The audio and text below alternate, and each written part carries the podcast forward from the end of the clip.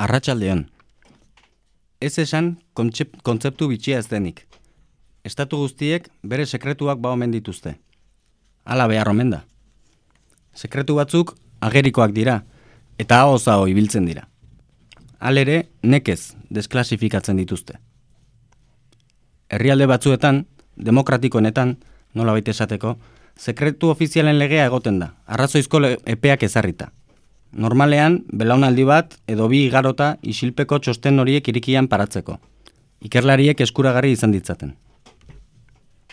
Demagun estatuek sekretuak behar dituztela.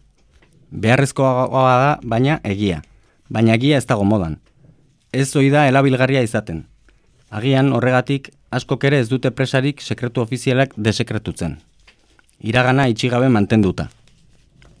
Egunotan irakurri dut, Espainiak Argentinako diktadurari buruz dituen agiri gordeak desklasifikatzeko konpromisoa hartu duela.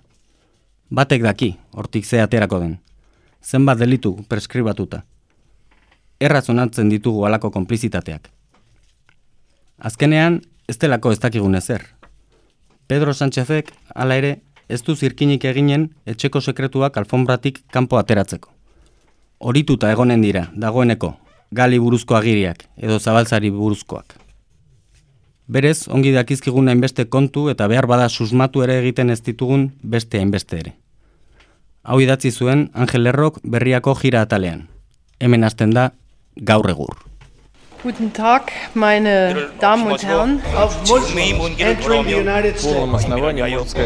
C'est la lutte contre le terrorisme. Katea ez da eten.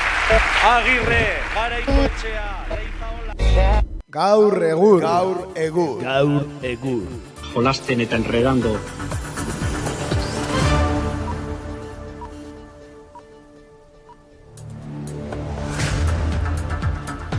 Arratxaldeon. Kaixo, Kaixo denori.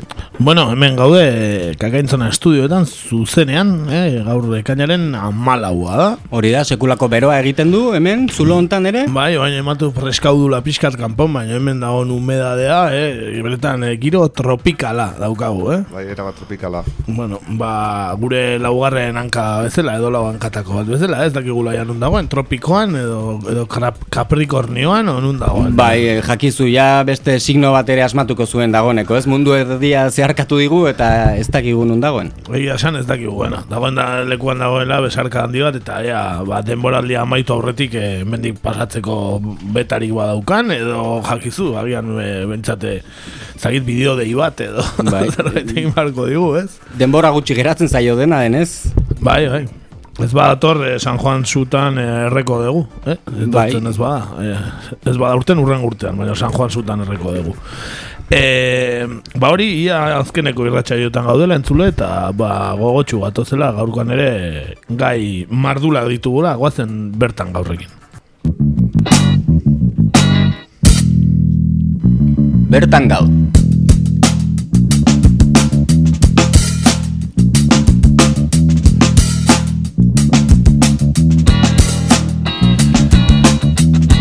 Beno, e, denboraldia amaitzear gaude, eta ezin utzi ba tartetxo txiki bat etxeko atalean ba, Euskal Presoen egungo egoeraz hitz egiteko, ezta? Hemen ere badirudi pixkanaka bada ere ba ziklo bat izten ari dela edo.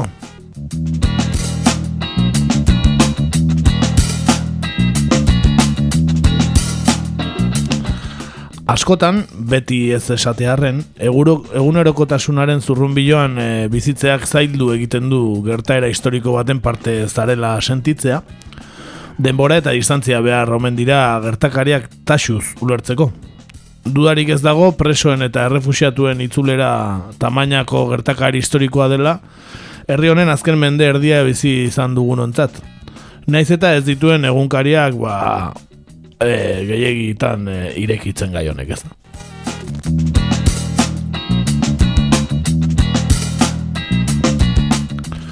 Badoaz pixkanaka presoa gerturatzen, eta menderdi pasa sufrimendu eta oinozerekin bukatzea zer esanik ez, ba, albiste pozgarria da.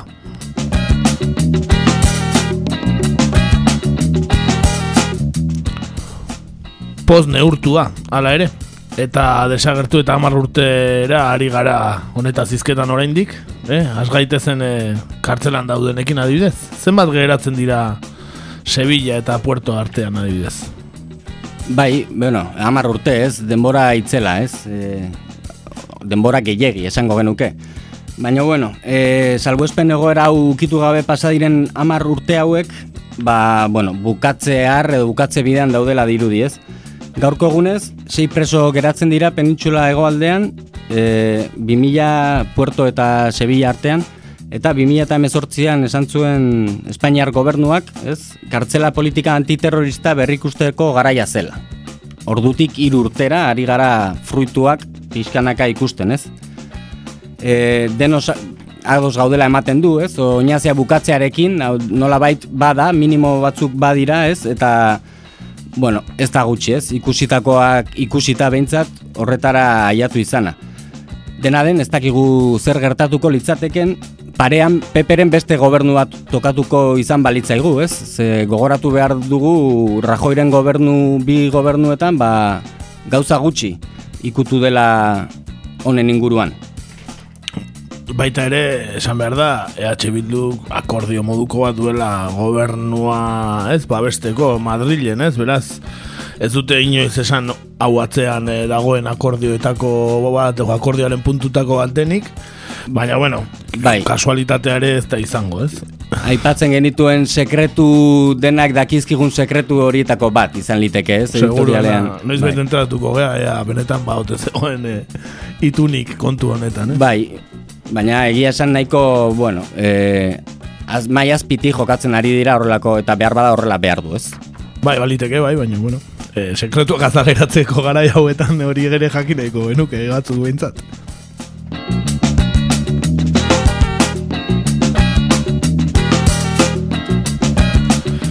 Bueno, aktualitatea jarraitzen badegu, astero izaten ditugu gutxi bera, ez? Gerturatze edo etxeratze batzuk, ez? Eta hoien berri, e, azkenak adibidez zeintzuk izan dira. Bai, ba, Espainiako espetxe erakundearen idazkaritza nagusiak, ez, honen gaineko kompetentzia duenak, Ostirala amaikan jakitera mantzuen bi euskal preso politiko Euskal Herriko espetxetara hurbilduko zituztela eta bi euskal herritik gertuago dauden espetxetara, ez? Azkenean ohikoa izan den formula erabiliz. E, Raúl Fuentes, heldu esotik, hau da, e, Kantabrian dagoen espetxetik Euskal Herriratu egingo dute, eta e, bigarren gradura pa, e, pasatzuk, bueno, pasatzeko proposamena zabaldu dute, ez? E, 2008ko azaroan atxilotu eta benbenean kartzelatu zuten gaizka Astor Kizaga ere, ba, Soto del Realetik basaurikora, ez? Ekarriko dute etxetik askoz gertuago. Eta Pedro Cano Castello, Castello batetik barkatu herrialde katalanetan, ez? Ia 600 kilometrota dagoena, ba Logroñora hurbilduko dute eta honek ere bigarren gradua eskuratzeko aukera izango du. Eta azkenik Iruñeko espetxean dagoen Olga, ba Olga Komesi di hirugarren gradua ere emango diote.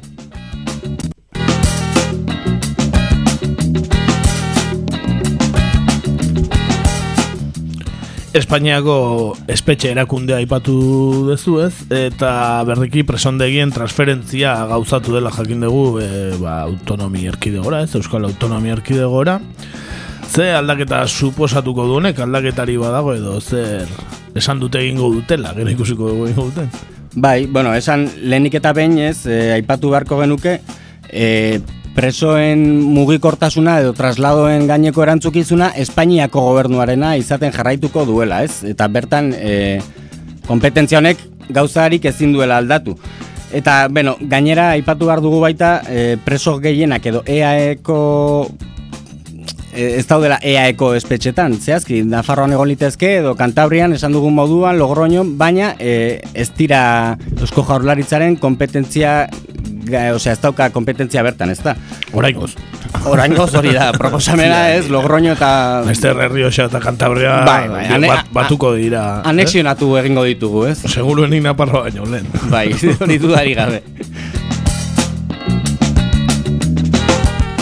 Bai, ba, esaten duen bezala hori, ez? E, preso gehienak e, Euskal Herritik gertu egon arren ez daude EAEko espetxeetan, eta eragina beraz hasieratik e, kompetentzia honena mugatua izango da, ez? E, preso euneko geita sortzi, soilik dago EAEko preso politiko euneko geita sortzi, gaur egun e, EAEko espetxetan, ez?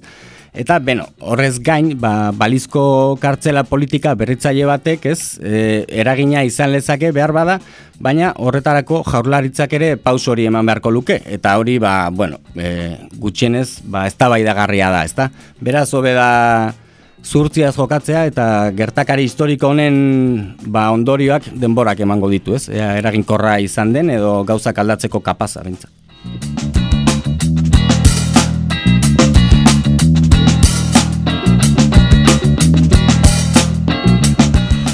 Badirudi salbuespen egoeraren amaiera izan daitekela, ez? E, e, hau, eta orduan agian legea denontzat e, berdina izango dela, zein daki?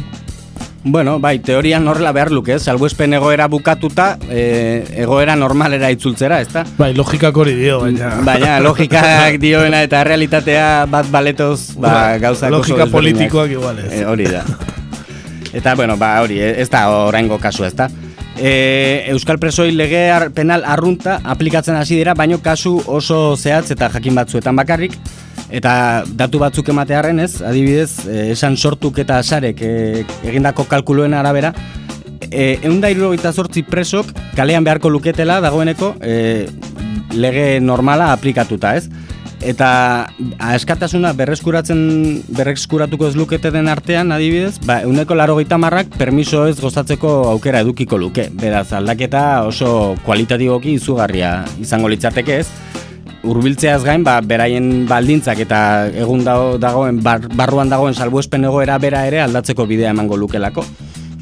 Eta, bueno, ba, ikusiko dugu, ea, pixkanaka aldatzeko joera hartzen duen horrek ere horrela beharko luke, baina e, badirudi justiziari egoera berrira moldatzea kosta egiten zaiola, ez? Naiz eta bueno, e, arlo politikotik edo mugimenduak egon daitezkeen badirudi ba inertzia horiek oraindik pisua daukatela e, fiskal eta juezen artean. Baina behintzat etorkizuna lehen baina esperantza gehiagorekin ikusteko eskubidea irabazi dugula iruditzen zego, ez? Arnaz luzekoa, eh, judiziala, mundu judiziala, benetan, eh, aldaketarako... Ba, etzaile gustatzen, ez, ez poltronatik aldatzean... Ja. Ez da nik uste, eh, erakunderen baldin badago, eh, azkeneko amarkaetan, neko berdin mantendu dena, eh, erakunde judiziala izango da, segura eski. Bai, bai, bar, eserita mantentzen dira, berain bizar luzeekin bai. juetzak.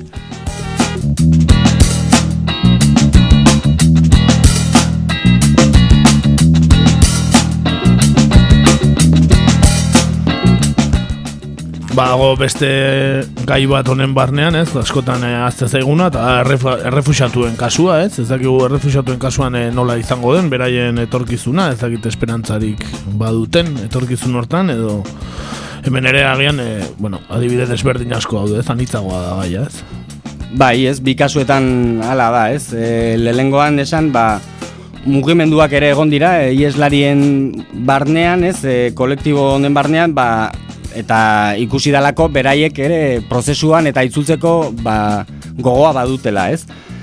Eta, bueno, ba, bigarrena ere hala da, ez? E, egoera legal, pertsonal eta herrialde desberdinetan kokaktuta daude euskal ieslari politiko asko eta, bueno, horrek behar bada zaildu egin lezake denok e, nolabait modu berdinean edo bueltatzera, ez? Baina E, lehengo puntuarekin jarraituz, esan 2000 eta mairuko ekainan bertan, ba, EIPK, Ieslaren kolektiboak, elkartasun atxa izeneko ekiltatia egin zuela miarritzen, eta han herria dugu arna sagiria plazaratu zuela, ez? Bertan idazkian ja orduan agertzen zen, etxera itzultzeko asmoa azaldu zutela, eta konponbiderako ekarpena ere izan nahi zutela, ezta? Eta, bueno, beraien helburua edo ametsa behintzat da ez da pertsona bakar bat ere ies egitera beharturik izan etorkizunean, ez? Beraiek egin zuten bide hori pairatzeko.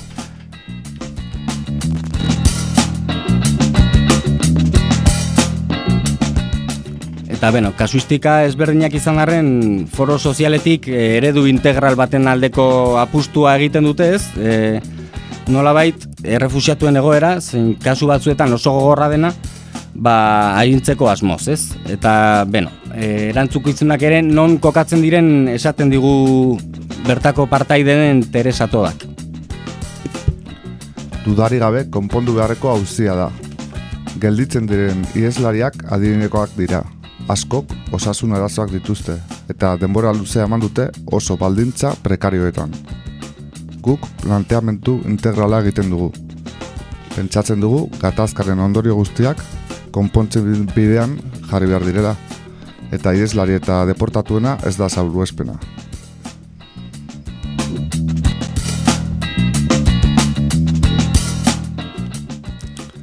Espainiako auzitegi nazionalean dago oztopo nagusia. Alde batetik, abokatuei etzaie bidea errazten sumarioak ikusteko, eta jakiteko haien bezeroen kontrako austririk dagoen edo ez. Eta beste aldetik, preskripzioaren erabilea maltzura egiten da. Gure go- gomendioa beti izan da instituzioek erraztea etorri nahi dutenen itzulera.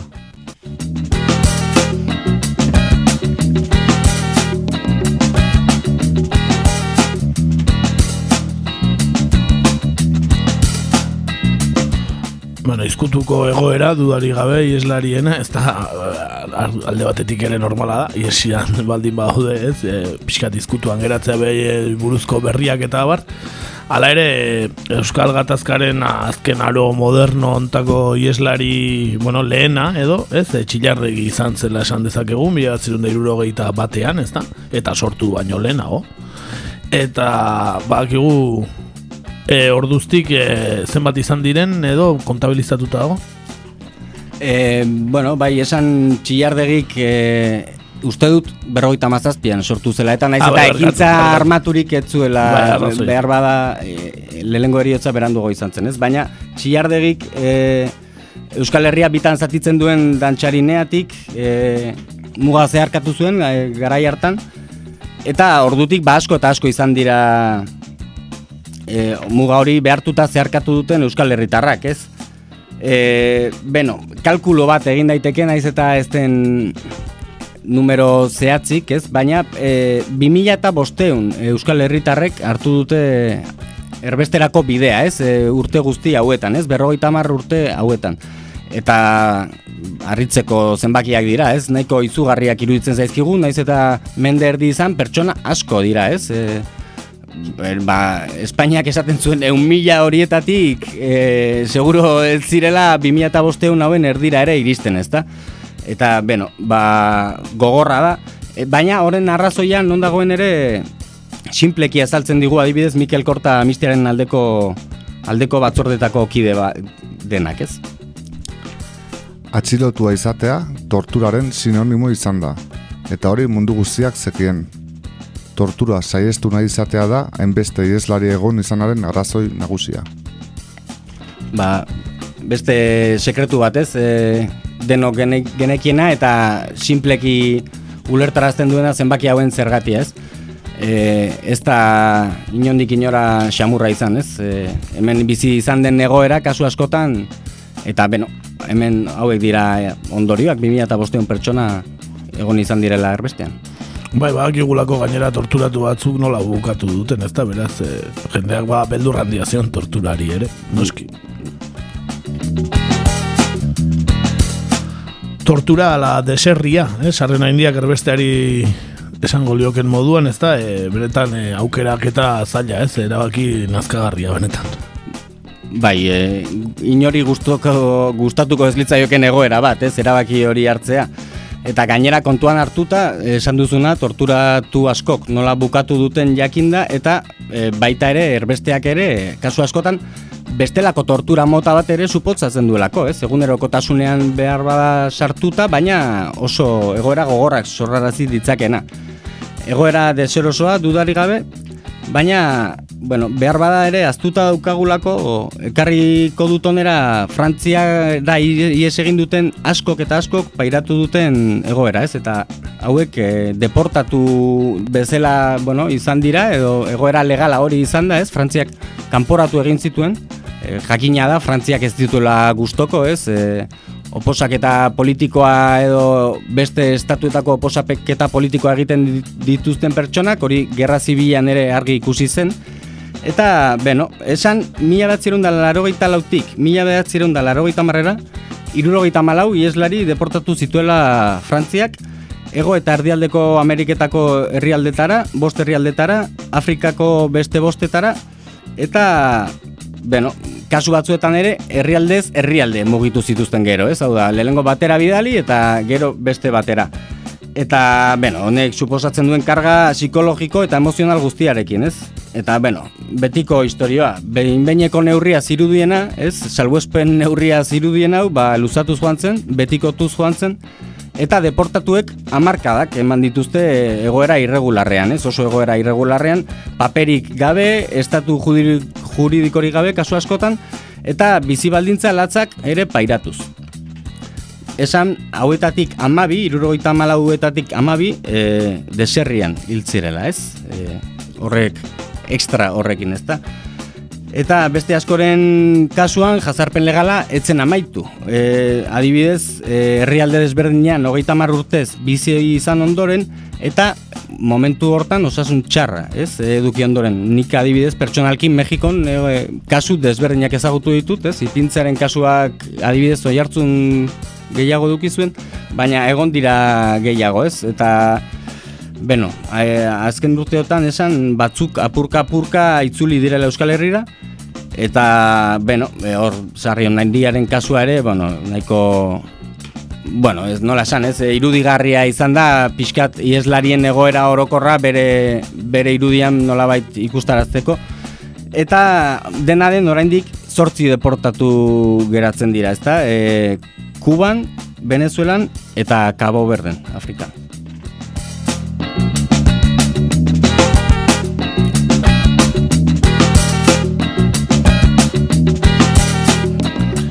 Eta zenbat ieslari geratzen den eh, estimatzen da, bakigu zifraren bat edo. Bai, bueno, e, e, dauz, dauzkagun zifrak dira sortuk e, esandakoak, beraz horri atxikitzen garagu. Eta esan, bueno, zama asko harindu dela, ez? 2005 horietatik, e, historian zehar joan diren guzti hauetatik, ba, egun hogeita masei daude, antza, sortzi deportatu aipatu ditugunak, barne, ezta? Eta, beno, e, esan hori, arazoa oraindik denaren ez dela konpondu, eta hogeita masei pertsona hauen egoera ez dela normala, eta arazoak dituztela Euskal Herrira bueltatzeko, ez? E, adibidez, ba, ju, judizialetatik jartzen dizkieten arazoak edo, edo beste motatako batzuk. Honi batu behar diogu behin bueltatu eta egokitzea ere beste arazo ekstra bat dela, ez? E, urte askotan kanpoan egon ondoren inolako sare sozial edo laguntzarik ez baldin baduzu e, agian e, bueltatzea okerragoa ere izan litekela, ezta? Ba, izatik, hainbeste rotonda egin, ez? Sarri handiak esan bezala, ba, galdu, galdu indaitezka. adibidez. Ez dakizu nora joan, ez da? Azkenen bide, ze bide hartu. Ere horre sortu zen talde bat, ez? Arrera taldea edo etan sortu presoentzako zan, o ieslarientzako ere, bai? Uste dut ieslarientzako, bueno, harrera taldea bai preso eta ieslarientzako uste bai, eta behar dalako sortu zen, ez, behar bati segika. Beno, ba, denboraldia bukatzen ari gara eta errepaso egin behar genion, ez? Presoen egoerari eta ieslarien ari ere, bai? Zeren, bueno, irratxa jo hau existitzen danetik beti horrondan gaia da, eta ez dakigu, noiz arte egongo den, e, horre, jo, egia esan, e, urtero errepasatu beharreko gaia da, eh? Bai, behin baino gehiagotan, ez? Gaina irratsaioa bakarrik ez gu geu existitzen geran garaietatik e, zoritxarrez dago gai hau bueltaka. Eta ea, ea hemen kakaintzonan aukera daukagun, e, gu kontatzeko, ez? Gai honen bukaera. Bai, edo eta gure e, herritar oraindik preso dauden batzuk elkarrizketatzeko, adibidez, Hori, e, aukera parega litzateke. Itzela litzateke. Ea, noiz bait lortzen dugun. Bai, e, pixka bat hola bitxikeria modura, nola lehen aipatu duzun e, txiardegi izan zela e, pixka bat e, gatazka edo aro modernoko e, lehen ieslaria ez. Eta mila behatzen da irurogeita batean e, alde egin behar izan zuela ez. Ez denbora gutxi pasa zen ez, e, gerra garaiko e, ieslari eta e, gero etako ieslarien artean ez. Eta nola e, sare, ba, zuk nola sare sozial horiek eta aipatu dituzun, nola, ba, e, lehenagotik eraikita zeuden sare horiek, sare horiek esker, ba, dibezen bata eta hori denak ez, e, laguntza izan zuten gero refresatuei, ba, elkartasuna eta iristeko ez. Baina, esan ez darela oso oso bananduta ere ez da ere gerrako refusatuak eta Urrengo belaunaldia esan dezakegu dala, eh? Bai, oso, ba, hogeita meretzitik irurogeita batzera, atera zuek kalkuloa, ni ez naiz matematikaria, Hogeita baina... hamabi urte. Ba, ba, pentsa ez, beste sare sozial batzuk ziren horiek ordea ez, gaur egun ezagutzen ditugun. Hogeita bi urte, eh? Hogeita bi urte, ez hogeita hamabi. Hogeita emeretzitik, irurogeita batera, hogeita bi urte. Da. Eta ez, adibidez, eh, telesforo monzon eta hauek ez, ba, papera, paper hori izan zuten ez, baien bata eta beste horietan ez. Ziren, e, ba, gerra garaiko refusatuak, baina nola e, refusatu berei ba, askoak zalu zizkien, eta bueno, e, Bai, azkenean elkartasun sare horiek eh, oso oso baliagarriak izan zirela, ez? Eta horregatik esan dugu aipatu dugu txillardegi izan dela aro modernoko edo eta euskal gatazka modernoko lehena. Noski aurretik ere asko eta asko egonda zeudela, ez? Ez bakarrik Espainiako gerra zibilan, baita aurreko gerra zibiletan, et, karlismo garaian eta bar, ez? Hemen jazarpen instituzionala euskalduna izateagatik, uste eh, Arnaldo Tegik edo behin aipatu zuela, eta kasu honetan uste dut arrazoi eman e, mende eta erdi bizi izan dugu euskaldunok, e, familia askotan, ez? Orduan, bueno, e, gogoan eukitzeko kontua da, ez, ez dela berria. Bueno, ba, bestela luzatu ingo eta hemen txutziko dugu errepasoa, eta goazen e, nazio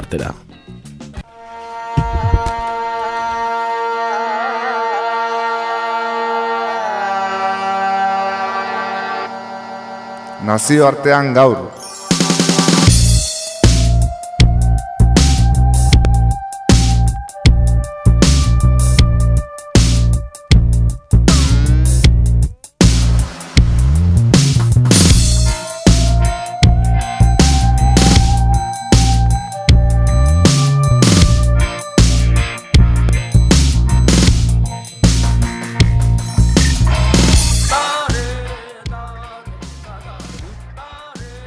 Peruk presidente berria du. Autoestontzietan aukeratua, baina oraindik ez dute ofizialki garaia izendatu. Pedro Castillo, baserritar maisu eta ezkerreko buruzagi sindikalistak oso tarte estuan irabazi ditu hauteskundeak.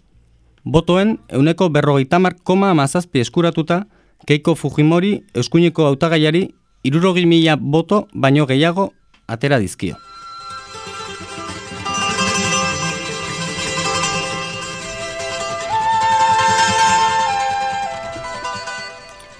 Aurreko haute- hauteskundeetan alde horrek irabazlea aldarrikatzeko balioko zuen, baina oraingoan Alberto Fujimori diktadore oiaren alabak ez du porrotan hartu eta zortziren eta bi akta baliogabetzea eskatu du.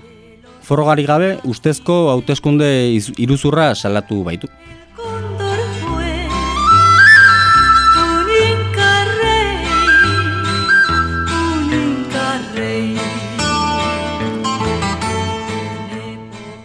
Beraz, Perun hauteskundeak izan eta zortzi egunera oraindik garai ofizialik gabe.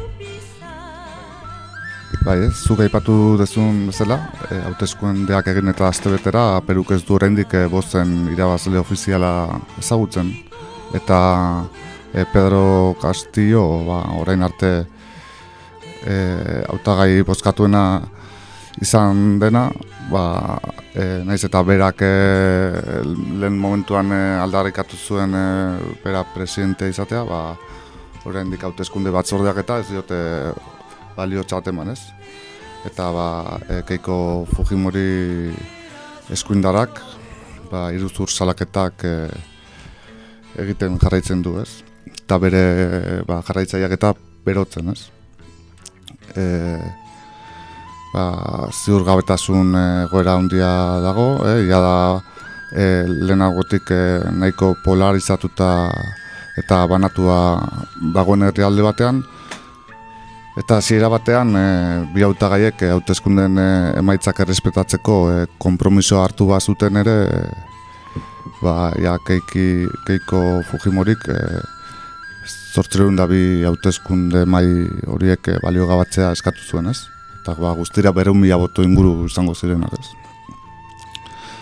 Eta ba, bere hitzetan ba, irregulartasunak aurkitu direlako ez.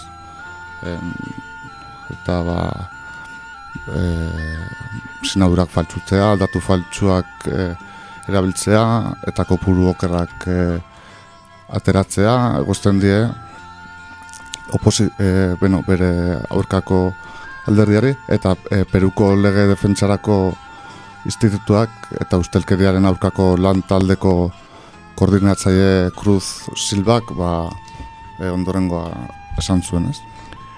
Irregulartasun horiek ohiko akatsak dira, formalak. Beste hauteskunde batzuetan eman direnak. Eta hautagaiak sistemaren funtzionamenduari buruz duen eu, ezjakintasuna erakusten dute. Identifikatzea eta zuzentzea garrantzitsua bada ere, ez da iruzur delitua. Ez baitute zerikusirik boteo emaileen borondatea aldatzeko asmoarekin.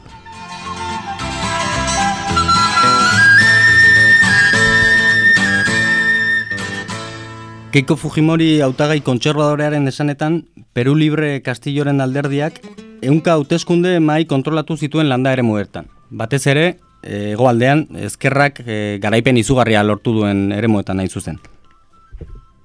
Ba, bai, ez, e, ja, e, zenbatuta eta dauden e, boto horien aurka egitean, ba, e, maitzak aldatu nahi ditu ez, e, Fujimorik ez. Eta e, gainera, kuriosoena da, ba, demokraziaren izenean egiten duela hau dena, ez. E, hasiera batean boto horiek inpugnatu ez zituztenean, ez. E, eta, bueno, horrengoz e, zortzerun da bi mai dira e, rekurrituta daudenak, eta ba, horregatik ari da prozesua horren beste luzatzen ez, ja da azte bete ba, daramagu horrendik eh, presidente ofiziali gabe ez. Galtzaile txarraren sindromea ere bauka, igual ez, keiko Fujimorik ez.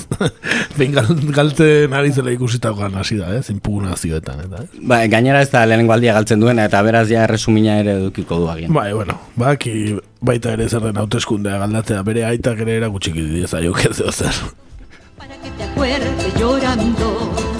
Esto te lo digo llorando. Alderdi Fujimorista ez da iruzurraz hitz egiten bakarra izan, e, aurreko gunetan beste alderdi politikoetako jarraitzaile askok ere indar armatuak ordena jartzezaten deitzeko mehatxua edo egin dute, ez? Sare sozialetan behintzat. Ba bai ez, e, egoera hor- horren aurrean gaude, eta e, defentsa ministerioak eta indar armatuek komunikatu bat e, igorri behar izan zuten e, asteazkenean ba, hauteskundetako emaitzak errespetatzeko eskatzen herritarrei. ez. Ekainaren seian, hautesontzietan adierazitako herritarren borondatea errespetatzeko konpromisoa berresten dugu. Dagokion bezala. Horrela esan zuten.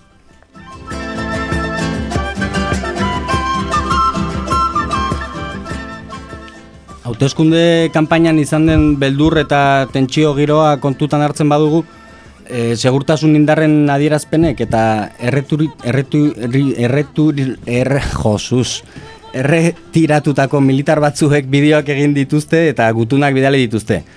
Komunismoa, ez, e, Kastilloren alderdiari erreferentzia eginez, herrialdean ezartzea onartuko ez dutela esanez. Bai, e, ba, Keiko Fujimorik e, komunismoaren e, mamua astindu zuen kanpainan zehar, eta Perun ba, hain e, polemikoa eta hain beldurgarria izan den e, sendero luminosoren ba, terrorismoa ekarriko duela Kastioren hautagaitzak eta e, horrelako kontuak e, aireratu zituen ez. E, ba, eta horrek ba, kanpaina ere ba, hola, pola- polarizazio batera ere eraman zuen ez. Ba, irudi Madrileko alderdi popularreko eh, komunikazio arduradun berdinak dituela keiko Fujimorik ez da, eh? komunismoa edo askatasuna, eh? ez dago besterik mundu enten. Ez dira oso desberdinak izango, eh? seguro ez, seguro ez.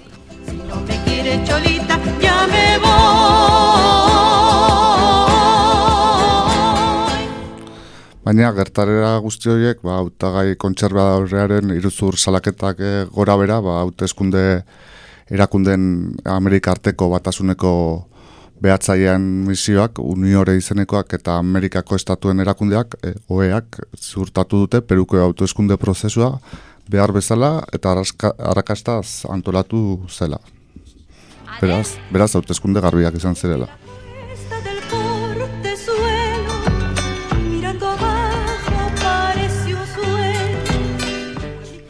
Hauteskunde kanpainan eh, Pedro Castillo ez da irabazle izendatu ez, e, Keiko Fujimori aurkariak e, hauteskunde mai baliogabatzea eskatu duelako. Ondorioz, prozesua e, egun gehiagoz luza daiteke eta horrek tentsio handiagoa baino ez du gehitzen fiskalak Fujimorirentzat badaezpadako espetxeratzea eskatu, eskatu duen bitartean. Ba, ez, azken egunetan e, kontu hori dena nastu da. E, Zatik, dakizuen bezala, keiko Fujimorik baditu aurrekari nahiko Bai, aurtengo denboraldean hitzein genuen, eh? Peruri buruz eta hitzein genuen keiko Fujimorik nola bazituen ez ustelkeria kasuak eta abar, ez, epaitzeko eta nola hauteskundetela aurkezte zen baita ere pixkate guzti horietatik libratzeko, ez? Bai, bea eta... Eta bere aita, eta, bere, bai, eta bere inguruan buitzen eh, lobby empresarial eta eh, guzti hori dena, ez? Eh, Fuji, Fujimorismoa osatzen dutena, ez? Eta ba, ba zuk aipatu zela, ba, fiskalak behin beneko aldia eskatu aste honetan keiko Fujimoriren zat, eta ba, egatazka amai gabe honi osagai gehiago e, gehitzerik etzagoela zirudienean, ba, hori ez, fiskalak, Pedro Perez e, fiskalak, e, Fujimori kartzelara itzultzea eskatu zuen e, ba, e, beste aurreko programaietan aipatu genuen labo, labaiato hauzia dela eta hauzi guzti hoien kontuagatik ez. E, ja, Latinoamerika osoan eroskeria sare bat zuten, Brasilien eta... Ba, Brasilien azte zena, ez da? Brasileko e, genuen egunean eitzen genuen, bai, ez? Bai. Lula da Silva ere horregatik zegoen imputatua, eta ez? Bai, hori da. E, bai, Brasilgo historiako ustelkeria kasurik handiena, ez? Eta ba, eskuneko hautagaia bi aldiz egon da benbeneko espezialdian eta ba, kampainan zehar eta ba, baldintzapeko askatasunean zegoen ez. E, ba, krimen antolatua, e, bueno, dirua garbitzea eta dokumentuak faltzutzea, justiziari oztopoak jartzea eta beste hainbat e, e, bueno, delitu egosten dizketez. E, eta hori, e, hogeita marurteko espetxe zigorra ere eskatu zuen peruko fiskaltzak beraren zatez. Eta e, fiskalaren ustez, Fujimorik ez du baldintzapeko askatasunaren e, baldintzetako bat e, bete, eta e, baldintza hori bete ez duen baldintza hori izan da, bai, kerketari lotutako lekukoekin hitz egiten aritu dela kanpainan zehar, ez?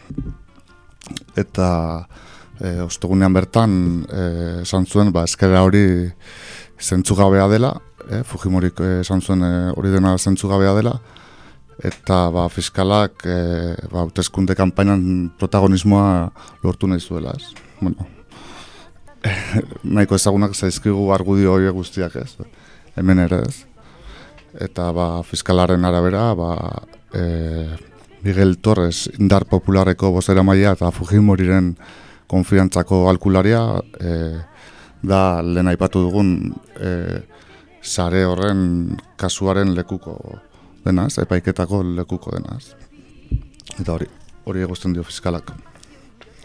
Y me siento feliz Olvidando las penas que me causó tu amor En cambio sé que tú vives angustiada Desesperada desesperada En cambio sé que tú Honela esan zuen fiskalak Keiko Fujimorik jokabide arau hoiek urratu ditu eta fiskalak o, 2000 eta hogeiko aprilaren hogeian eman zioten baldintzapeko askatasuna baleo geratu behar dela aderazi du. Frogatuta dago erakunde kriminal bateko burua dela. Frogak daudelako eta horregatik akusatuta dago aurtengo martxotik.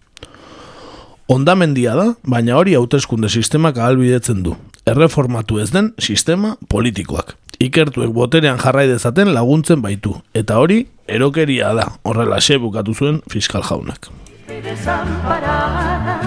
Tu me hiciste llorar, tu me hiciste llorar. Eta, ba, orain kontu guztia ba, Keiko Fujimoren zate kolpe gogorra izan den arren, ba, presidente gaiak e, enpresa eta Davide gehienen babesa du. Eta e, iruzur salaketan e, tematua egoteak esan nahi du ez duela orain goz e, ba, porrota aitortzeko asmorik ez.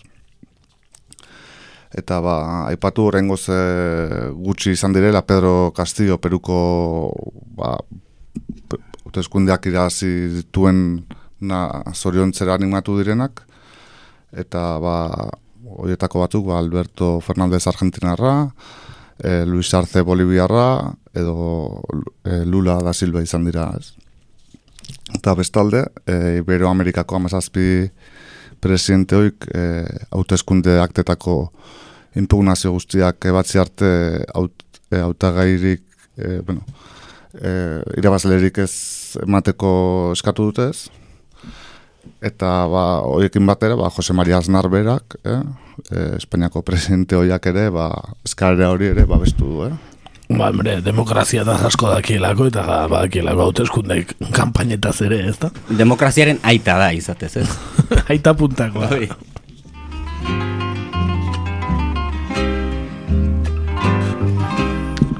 Ez dakit orain eh, Joe Bidenek ere zein izango duen agentzian, hor, baina handikan, baina haiek ere izango dute zer esana guzti honetan, seguruenik, ez da? Bai, bai, bai, bai. galopando, crin revuelta en llamará.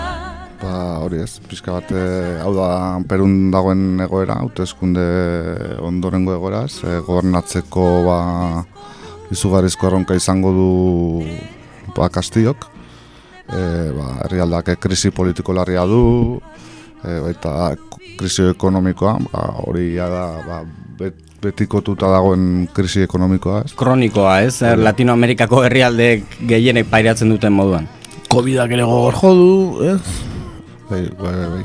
Eta ba, krisi guzti horrek eh, goia jo zuen, ez? 2008 amaieran, ba, e, program, aurreko programa hartan aipatu genuen bezala, ba, kongresuak eh, Martin Bizkarra presidenteak kargatu, kargutik eh, kendu, eta Manuel Merino e, e, or- ordezkatu zuenean, eta gero egun gutxi batzuetan ba, e, protesta ondien ondorioz berriro ere kargutuk kendu zuten eta e, Fra- Francisco Sagastik nola botere hartu zuen eta orain arte bera izan da presidente eta oraindik bera izango da ba, e, bueno, e, Hau dena eh, zehazten den arte, ez da? Presidente, ez. Bai, behinbeineko presidente edo, ez?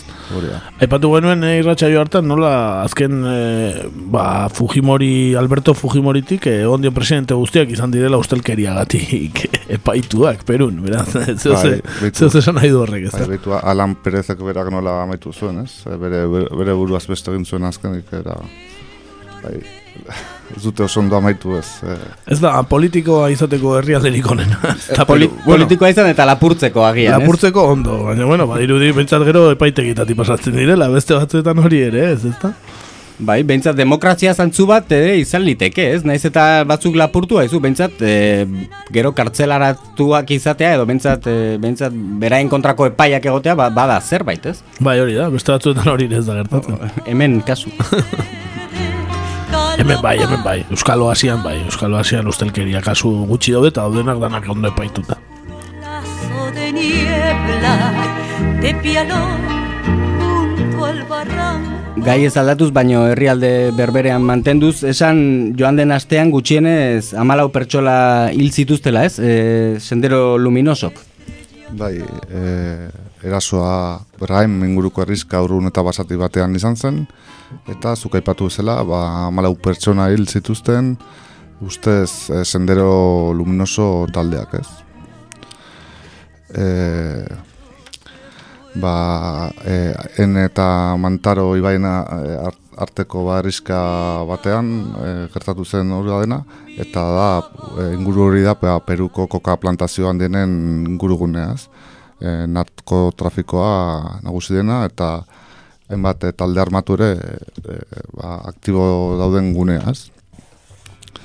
E, lehenago ere beste kanpaina batzuetan e, sendero luminoso e, bueno, e, protagonismoa izan zuen ez eta hainbat at- atentatu egin zituen ez e, bueno, oikoa da, esan daiteke nahiko oikoa dela sendero e, kanpainan hauteskunde kanpainak daudenean atentatuak egitea ez e, bueno, pixka bat e, naiz eta azken urtetan protagonismoa galdu duten sendero luminoso joek, e, pixka bat e, gogoratu ezagune labur-labur e, sendero luminoso mila behatzen da iru eta meretzian sortu zen e, taldea zela, e, Abimael Guzman e, filosofia irakasleak e, sortu zuen ez, ba, Jose Carlos Mariategiren e, pentsamenduan oinarrituriko errepublika herrikoia sortzeko asmoz ez.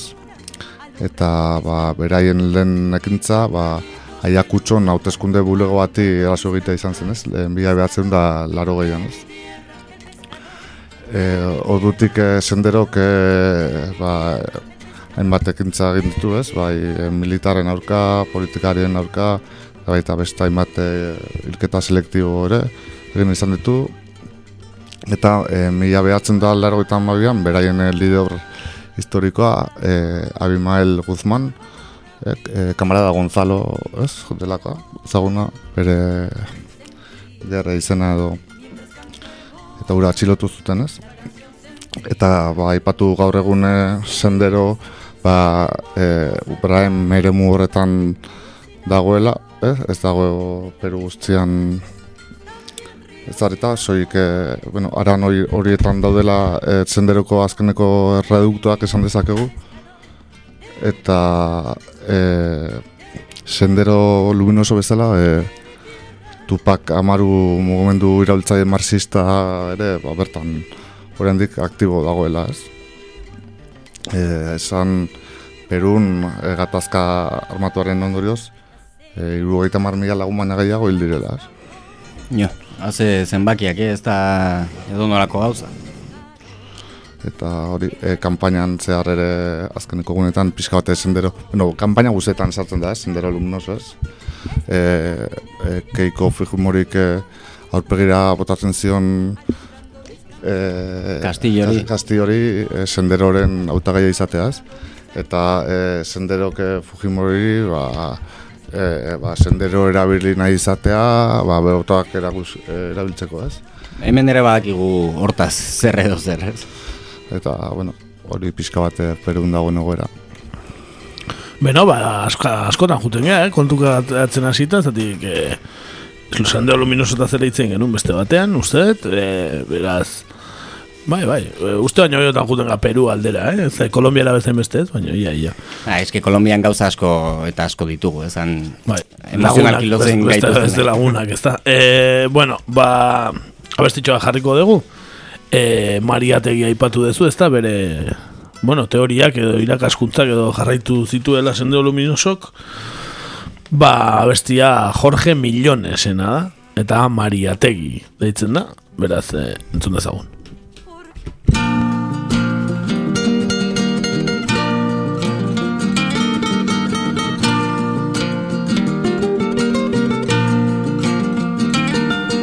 Corrían los años 20, corrían a la asamblea por vivir. Te quitaste el sombrero, alzando la voz primero al porvenir Llegaste mirando alto, que el cielo estaba cerquita al corazón. José Carlos del trabajo, te seguimos los muchachos por tu sol. Y muchedumbres de alzados contra el horror. Obreros organizados, niños con y campesinos van a luchar. Por el pan y la belleza van a ganar. Y tu camino de sueño, inspirado en la odisea popular. Por el trabajo sin dueño, por la tierra del pequeño y del jornal nacieron mil historias, epopeyas de la gloria sin igual. Los pueblos van con tu imagen, peruana sangre y coraje a luchar. El poder popular es la obra de arte, más linda y hermosa que un pueblo puede darte corriendo por la agonía del socialismo. encontraremos todos con uno mismo.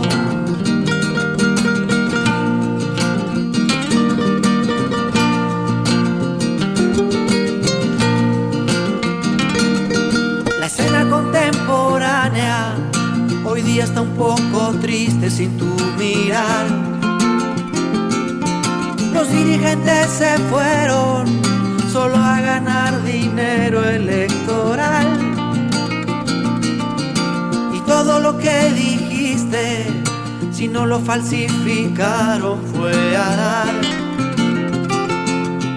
a los museos del olvido, violentos y sin sentido, traicionar. Como nos hace falta ensayar aquí que nos devuelvan todo el país.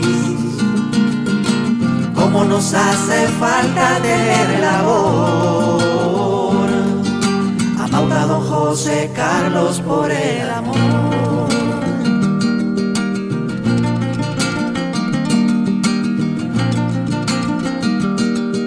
En este día postrero, el de tu aniversario cantaré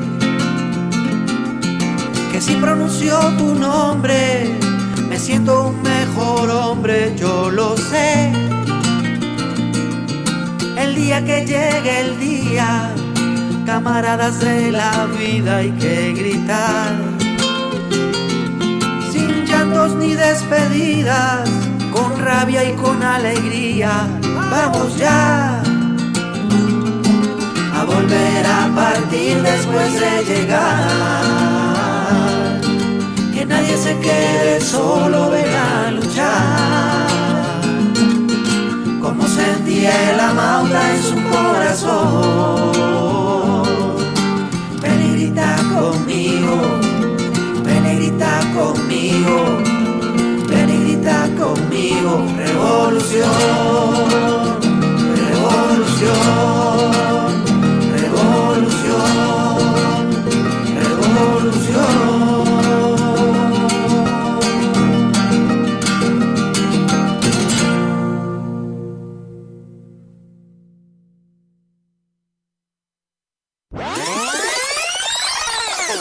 Gaurko egunez.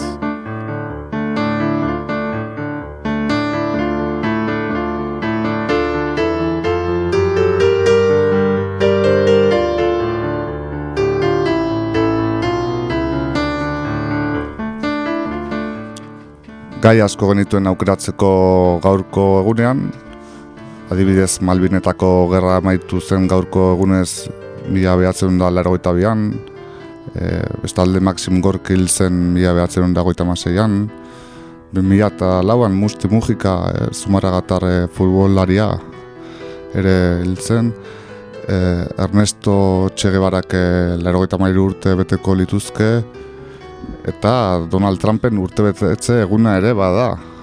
Irugoita maost urte betetzen baititu gaur. Eh?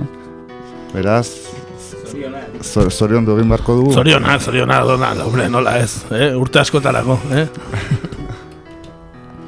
Happy birthday. dugu. Marilyn Monroe ez dela bestuko dugu.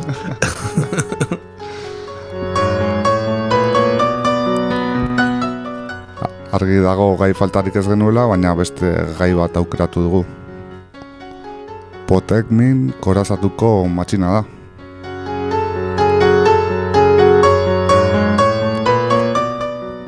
Eta zer zen Potekmin korazatua, hainbeste hau kostatzen zaidan hitz Bai, madarikatu hori. potenkin, potenkin, eh? Ba, oinatin bazen eh, musika talde bat, potenkin, eh? Ez dante ezaguna, ba, ez da ere.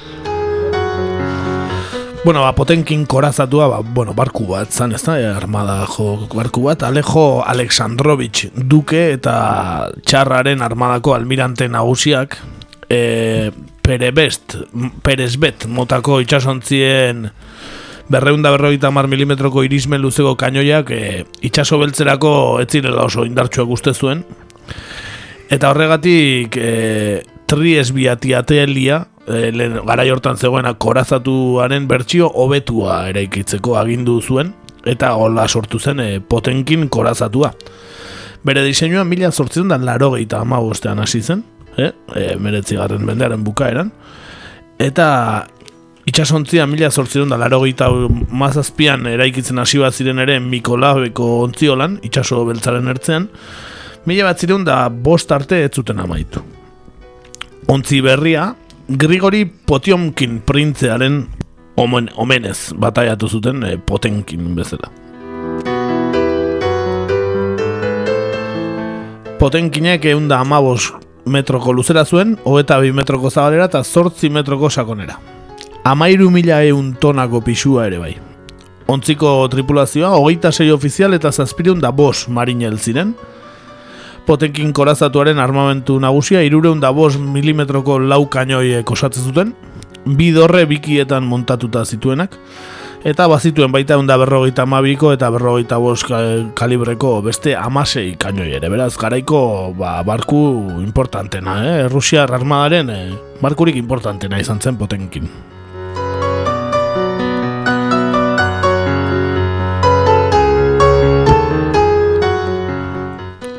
Beraz, garaiko ontzi modernoenetakoa genuen, baina historiara etzen horregatik pasa, bere tripulazioaren matxinadagatik baizik.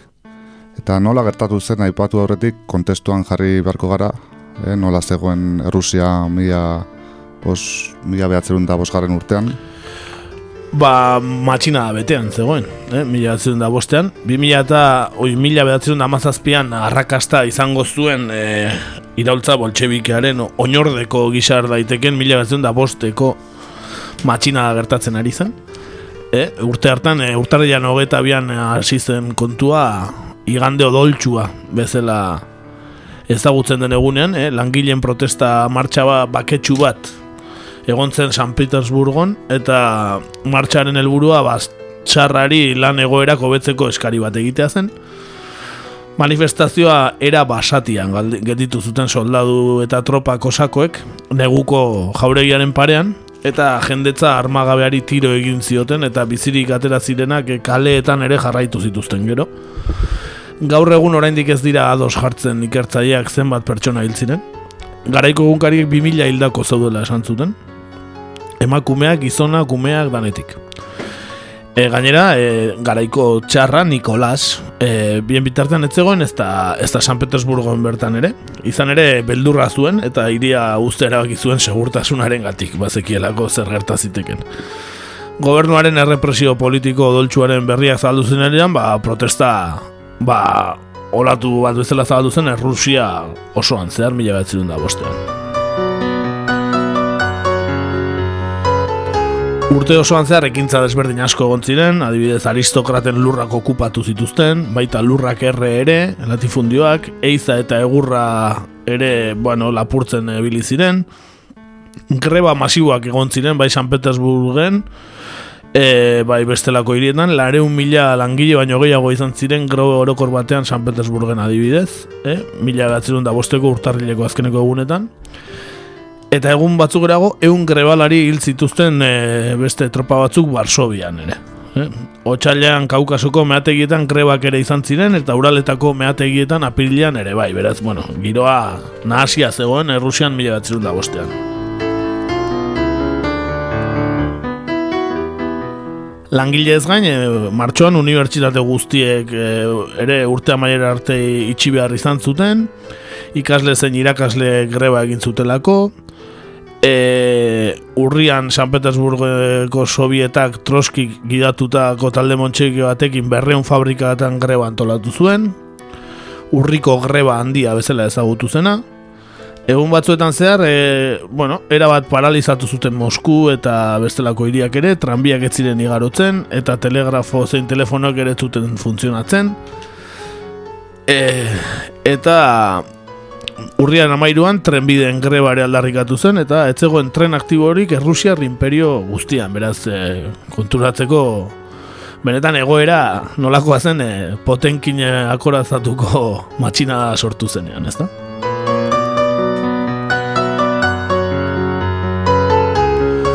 Gogoratu behar da, gainera, eh, bukatzen ari zela Errusia eta Japoniarren arteko gerra odoltsua ere, eh? Mila da lau eta bost artean horra maitu zen. Eta, bueno, ba, tropen artean ere egon zirela altxamenduak, ezta? E, hainbat e, altxamendu egon ziren, Sebastopolen, Vladivostoken, Kostant, Krostanten, eta, bueno, bai marinelak eta bestelakoek ere, bueno, ba, altxamenduak egin zituztela, eta horren barrean, ba, bueno, motina ere egon zen, ba, armadako perla zen potenkin korazatuen ere.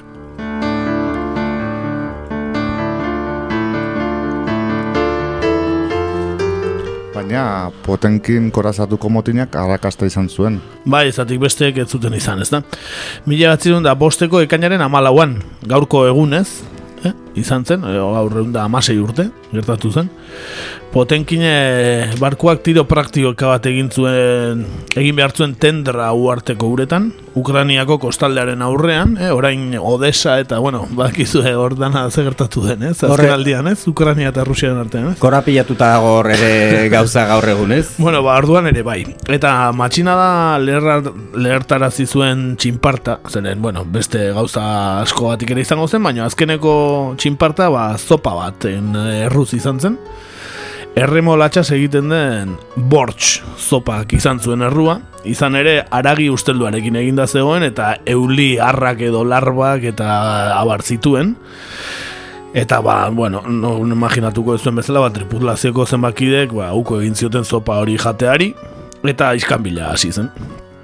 Hipolit Gilarowski, itxasontziko bigarren e, agintari nagusiak, bortxa jateari uko egiten zioten tripulazioko kidein aurkako errepresaliak hartuko zituela esan zuen, eta hala egin zuen, eh? Gilarowski marinel talde bat hartu, e, alkazarrera edo, bueno, barkuaren goiko zehara igo, eta fusilatzeko posizioan jarri zituen, fusilatzeko asmotan, eta orduan fusilatu behar dituzten marinelak, e, bueno, ba, ba, ez, resistentzia egin, eta, eta infanteriako, e, bueno, ba, kendu zizkieten beraien eskopetak, eta abar, eta, eta horrela sortu zen motina esan dezagun, ez?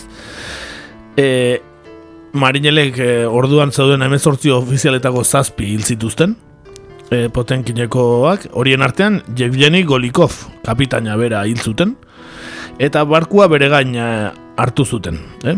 Esan behar da estiloetan eh, Grigori Bakulintxuk matxinatuen buruzagi modukoetako bat ere hiltzela.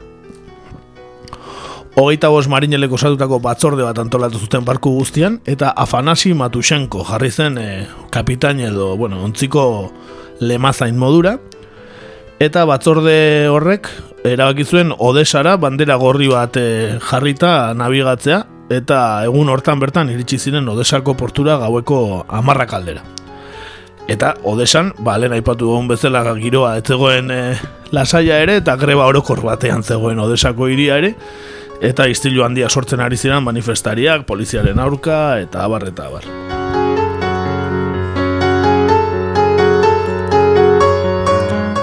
Beraz, Odesako greba eta protestekin bat egin zuten potenkineko marinerek. Ba, egia esan urrengo egunean potenkineko matxinatuak ez ziren e, e, lehorreratzeari uko egin zioten, ez ziren grebalariekin batera aritu.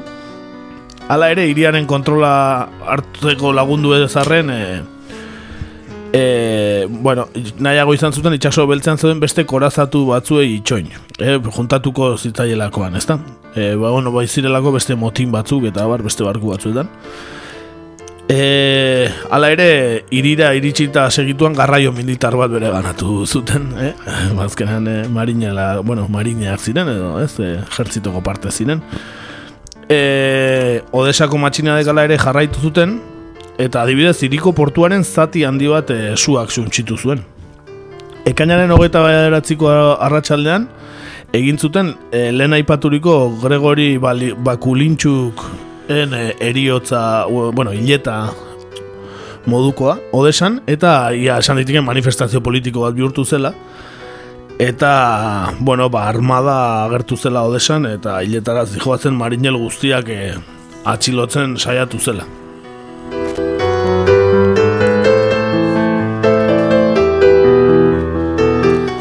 atxiloketa saiakera horrei erantzuteko e, potenkinek berak e, eunda berrogeita mai milimetroko jaurtigai bat, e, bi jaurtigai bota zituen e, Odesako antzokira, e, portutik bertatik, bertan e, goi mailako militarren bilera bat e, zegoelakoan.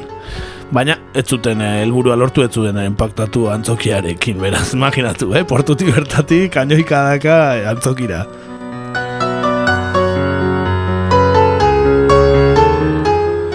Errusiar gobernuak odesara bi itxas eskuadroi bidaltzea egindu zuen, matxinoen amore ematea behartzeko edo ontzia bestela ondoratu zezaten, ez agindu horrekin. E, orduan potenkin e, ko batzordeak erabakizuen berriz ere itxasoratzea, eta eskuadroien ontzien artean nabigatu zuen amote, amore emateari uko eginez. Krieger almirantearen aginduei ere entzungor egin zien e, beste beste itxasontzietako eskuadroietako marinelek edo bueno, ejertzito gidek Zatik, kriegerrek agindu zuen e, tiro egiteko potenkini eta ez zioten entzungor egin zieten, ez? Ba, azkenean beraien kidea e, tiro egiten ari zirelako.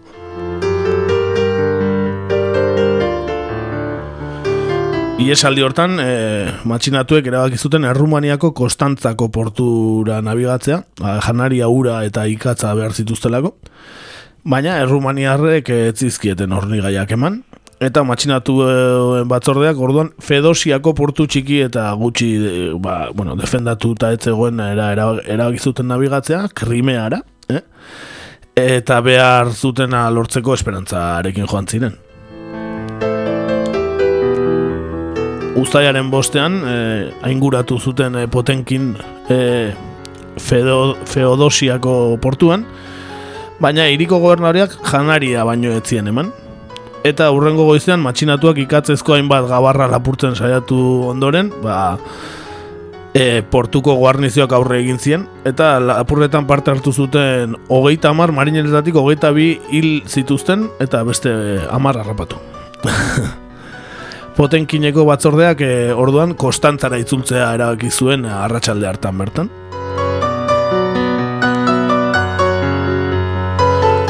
Ez erremanetzieten Errumaniako Kostantzara bueltatu ziren, gaueko amaiketan iritsi ziren Kostantzako portura, eta Errumaniarrek asilo ematea onartu zuten armakutzi eta korazatua errenditzen bazuten.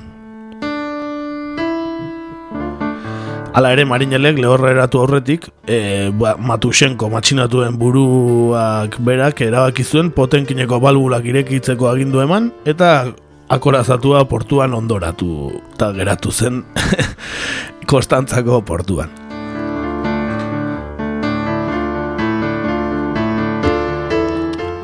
Eta hor amaitu zen barkuaren historia? Ba ez inundik inora. E, gero nahiko errez atera zuten itxasotik dirudienez eta konpondu zuten, naiz eta, bueno, gatzak eta ba, makineria asko izorratu zuen. Baina, gero, behaien perla handienetakoa zen. Orduan, e, bueno, eta gero lehen gerra mundialean e, nahiko paper esan izan zuden potenkinek beste izen batekin, orain e, pantelimeon, panteleimeon, ezakitolako zer. Ez da bat apuntatuta, baina bai, izan zuen... E, Horain dikan bizi luzea izan zuen potenkinek e, gerta hori eren ondoren.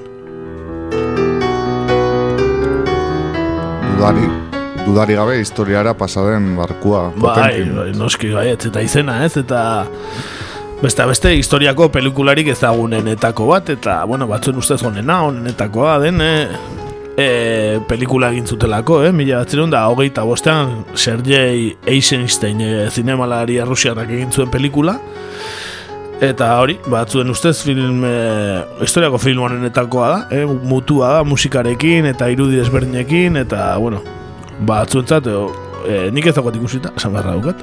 Nik historiako irakaslearen argibidei jarraiki berak ere horrela uste zuen, hasi nintzen ikusten, baino ikusi konturatu nintzenean nolako azan esan, bueno, beste beste egun batean. Beste tarte baterako behar bada, ez? Lasai denboraz ikusi dezakedan tarte baterako. Hori da, milatzen dago eta bosteko, hori mutua musikarekin eta bueno, ez batzuk esatute, bueno, propaganda modu bat e, inventatu zuela eta bueno, beste zuzendari askok jarraitu dutela ere bai, bueno, behan egitura kopiatzen eta bar eta bar.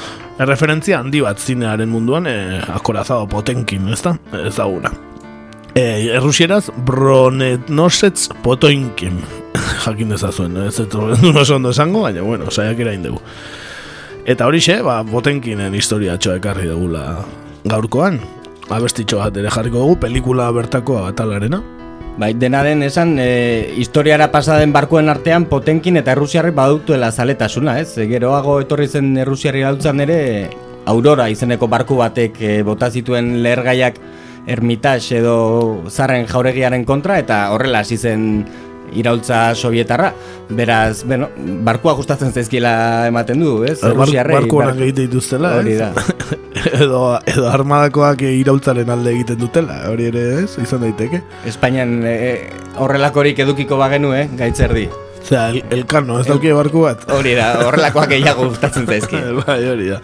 Bueno, ba, hori, pe, pelikulako zati bateko abestia e, ikusiko dugu, ba, ontzien arteko guda bat ikusten den zatiko abestia jarriko dugu, ba, hori, e, gogoratzeko, beraz, e, hortxe, potenkinen omenez.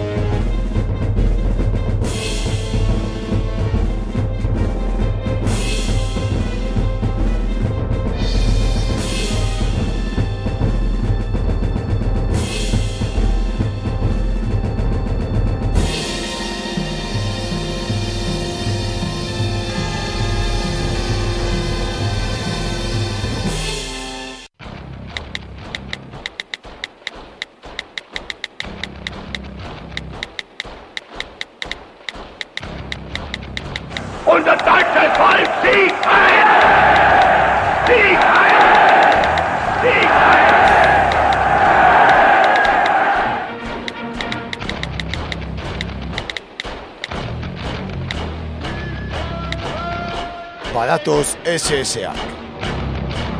Sare sozialetan egur.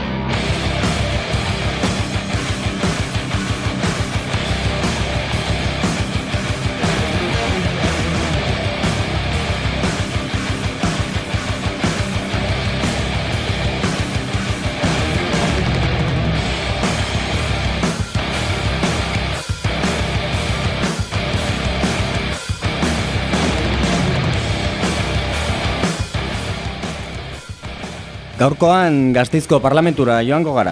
Bertan parlamentari den eraitz saez de egilazek eman baitu zeresan aste honetan, sare sozialetan.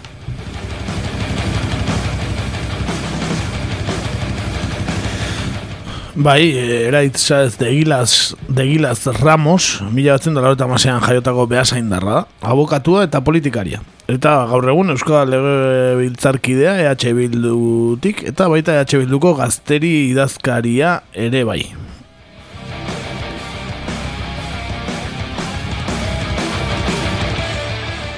Eta zergatik emandu ba zer esana eraitzek.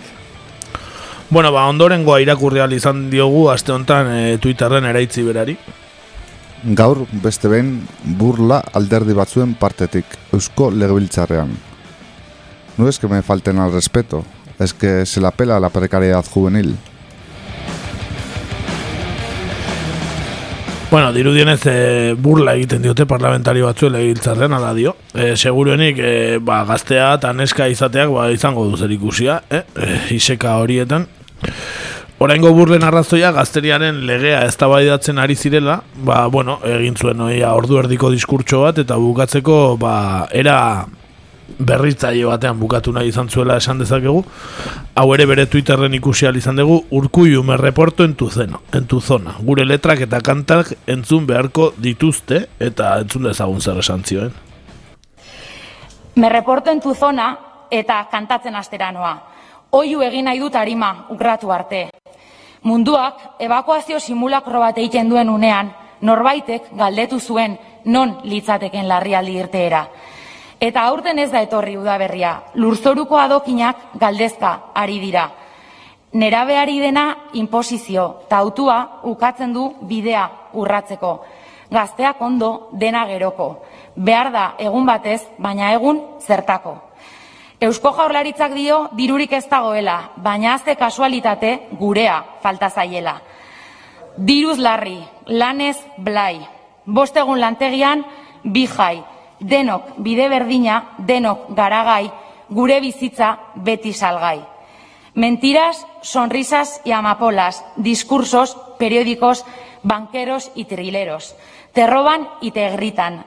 Te roban y te gritan y lo que no tienes también te lo quitan porque es indecente, es indecente gente sin casa y casas sin gente. Eta zerbaiten beharra somatzen dut azken bolada hontan. Ni ere ez nago beti bezala, asko galdu baitut denbora motzean. Retales de una vida, un sistema moribundo. Hauxe da gure belaunaldi maitea. Ta ez gato zapurreske, orain da gure garaia aurrera eraman asmo guztiak, bihar kantatu ezin gaur kantuan auzu, elkarrengatik behin eta berriz, bihotza sutan, egia eskutan, ez da sekula izango gaur izaten ez bagara. Eta badakizu ezer, guk bai, guk bai zerbait derri asmatuko dugula. Eta izango ditugu, etorkizunean, mila eta mila motibo kantatzeko alai. Eskerrik asko. Ezin daukatu berritzaia badala, eh, diskurtsoa. Bai, chill mafiaren abestiren bat falta zaio, bakarrik. Nei egia esan, eh, nirengo tamen, eh, zaharra siontiara zinau, zatik abesti, abesti zian danak ez, suposatzen da, batzuk ezagutu ditutelako, baina beste batzuk genitu ezagutzen, beraz, eh, ez dakit, zetalde izango zian. Ba, zaharra garen seinale ez, hori... Hori da, argi eta garbi. E, bueno, dirudienez, e, jendeak barre egin du, e, zati hau ikustean, e, bai sare sozialetan eta baita e, balege biltzarrean bertan ere, eta horregatik e, sare sozialetan hause irakurri diogu ere itzi. Pizkat gogaituta nago, barre egiten didatenekin. Eta hemen edo zer esaten dutenekin. Normala da, baina kostatzen ari zait gestionatzea. Eta asko gainera. Ulertzen dut ez gustatzea. Baina, beno, ikus dezazuen hitzartze superpolikoak politikoak egiten badaki dara. Hori da, idatzi zuen eta gero jarri zuen ba, bere diskurtso osoa. Bere ez zuen hau bakarrik esan, noski. Horrela bukatu zuen diskurtsoa, ez, eman zituen beste arrazoi batzuk, eta bar, zeren, bueno, ba, gazteriaren legea ez da ari ziren. Eh? Eta, bueno, gehiago gutxiago guztu bukaera hori, esan behar da, ba, seguruna, ez, gizona balitz, eh? otegi edo, edo urkullu edo bestera bateko gizona balitz, bagian ez leoketela horrelako burlaiz erik egingo, ez? Baina, Hala ere, esan behar da teraldia polita dela, graziosoa bada, ez? Ne grazia entzian bintzat ikusi nunen, ez eta nuen asko ulertu. Eh? Esan bezala, nahi, John Mayak belodroman eintzuna gora zit, Bai, azkenean hor referentzia esan duzu berritzailea dela, baina nik eh, ez dakit eh, originaltasunetik edo behar bada...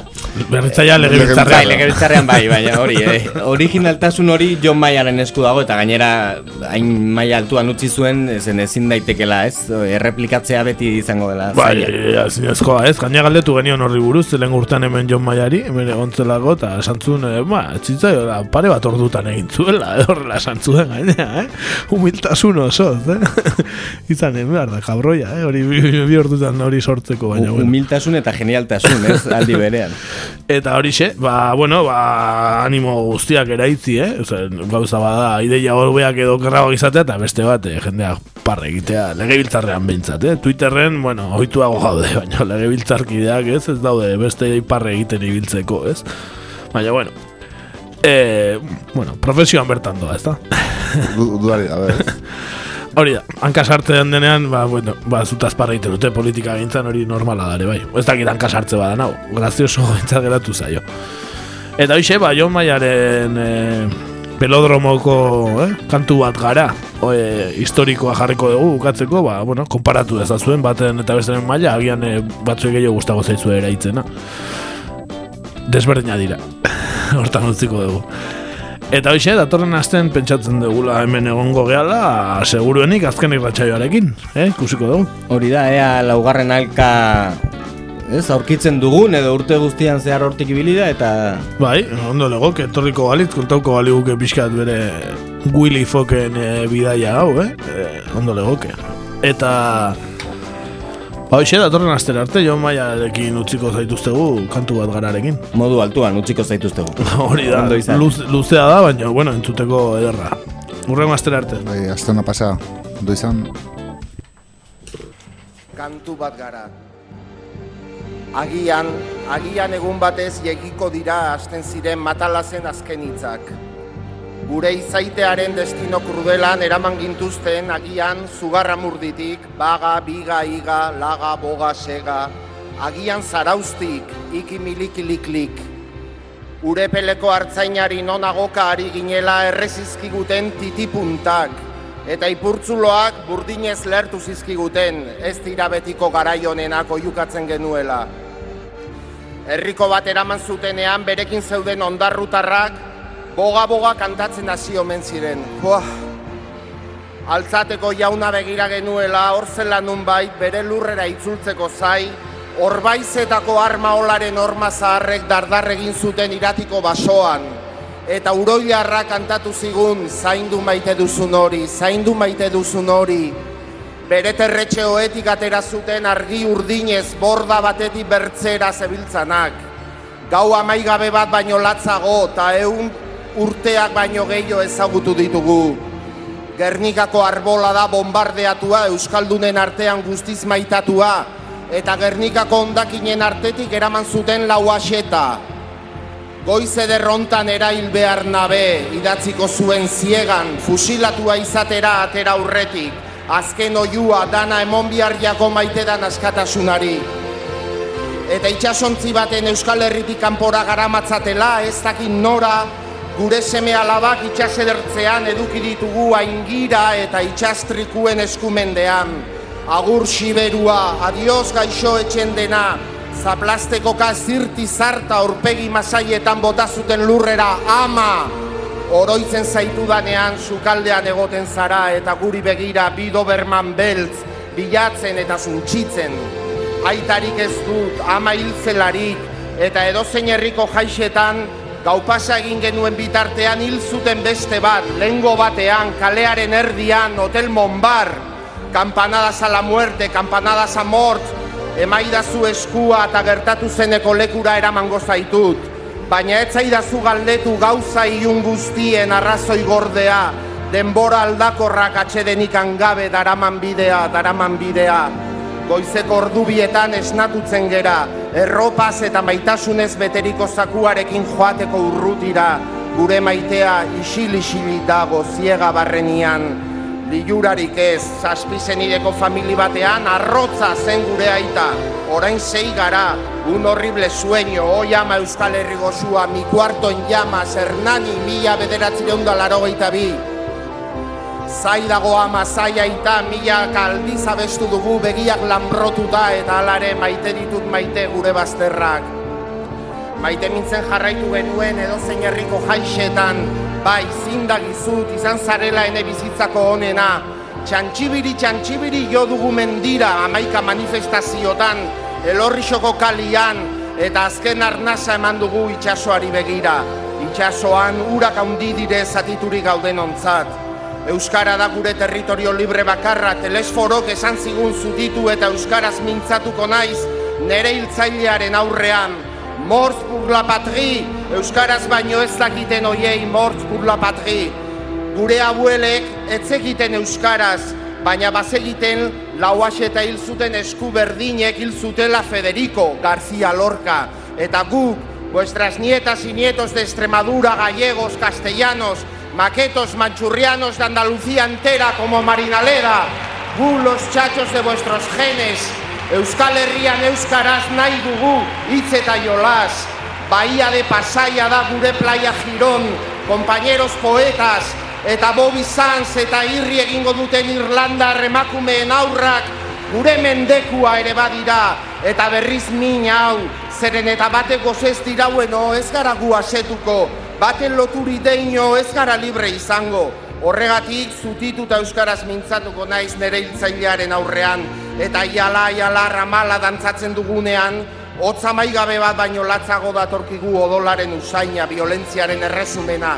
Ez, ez dugu nahi olako zibilizaziorik. Onar genezakeen gure egoera txoria kaiola bezala baina egoak ebaki bagenizkio etzen gehiago txoria izango. Beraz, arrano bihurtu ginenean, kaiola hautsi talde egingo genuen beldurrez, libro ginela sinestarazi nahi ziguten, baina luze gabe ohartu ginen, hanka arkaitz bati lotu zigutela katemotz eta astun batez. O gu hemen bidean galduak ibiltzeari utzi gabe esan zuen txirritak, La Rosa baino ederragoko gure zazpi probintziak, lau Espainian preso daudenak hiru handitu frantziak, gure ametsak, esperantza, egia, askatasuna, bakea, justizia, zenbakera, lau bat, hiru, bost, zazpi, zer egingo dugu alkarjo, alkarril, ez, hori ez. Begiratu maitea hortzimugak zutan gure begien zerutan, begiratu atzera amildegi ertzak, biziak, hilak, ametsak, orain mendeetako kanta erditu da, gure ordua heldu da, eta ez galdetu inoiz zer galdu genuen gure ametsaren bidean, malkoaiei esker, orain itsasoa gara, agian ekibokatu ginen hasieran bertan mundu ontara Euskaldun sortzean, baina ez du ni sekula ene sorterria hautatu eta gaur hemen gaude sei urte eta ardiren ondoren, bos menderen ondoren, milaka urte eta gero hemen gaude, badakizue, denbora da poligrafo bakarra, eta hau da froga hemen gaude, eta manutxa zioen prosima estazion esperantza pasadu gure trenak. Gure ametxen eraizten urtuaren aurrean, hemen gaude eta postutzen naiz, kantatzen duen herri bat ez baita inoiz hilko, baina are gehiago, kantu bihurtu den herria gara, kantu bat gara, mendien arteti datorrena, joaldun, itxasoko olatu bakoitzean ontzi, etxe utxetako hormetan, martxoak iruan, martxoa sortzian, martxoa bostean, entzuten duzue, melodia bat da, aire bat, arnaz bat, burni artetik diez eta jostari, sentimentu bat, ahoza aho, ura harri artean bezala iritsi gara, belaunaldiz, belaunaldi, herri bihurtu den kantu bat gara, inoiz eta inork isildu ez duena, agian, agian egun batez, egiko ginela esan zen igun matalaz, eta gaur, mende askoren ondoren hemen gaude munduari esanaz beste mundu bat posible dela. baita isildu nahi izan gaituzten entzat ere, denok gara mundu, eta horregatik diogu hemen gaudela, eskubal luzatuz, irri bat zabalduz, lau aizetara, irri eginez lau aizetara, negua joan data, gora herria.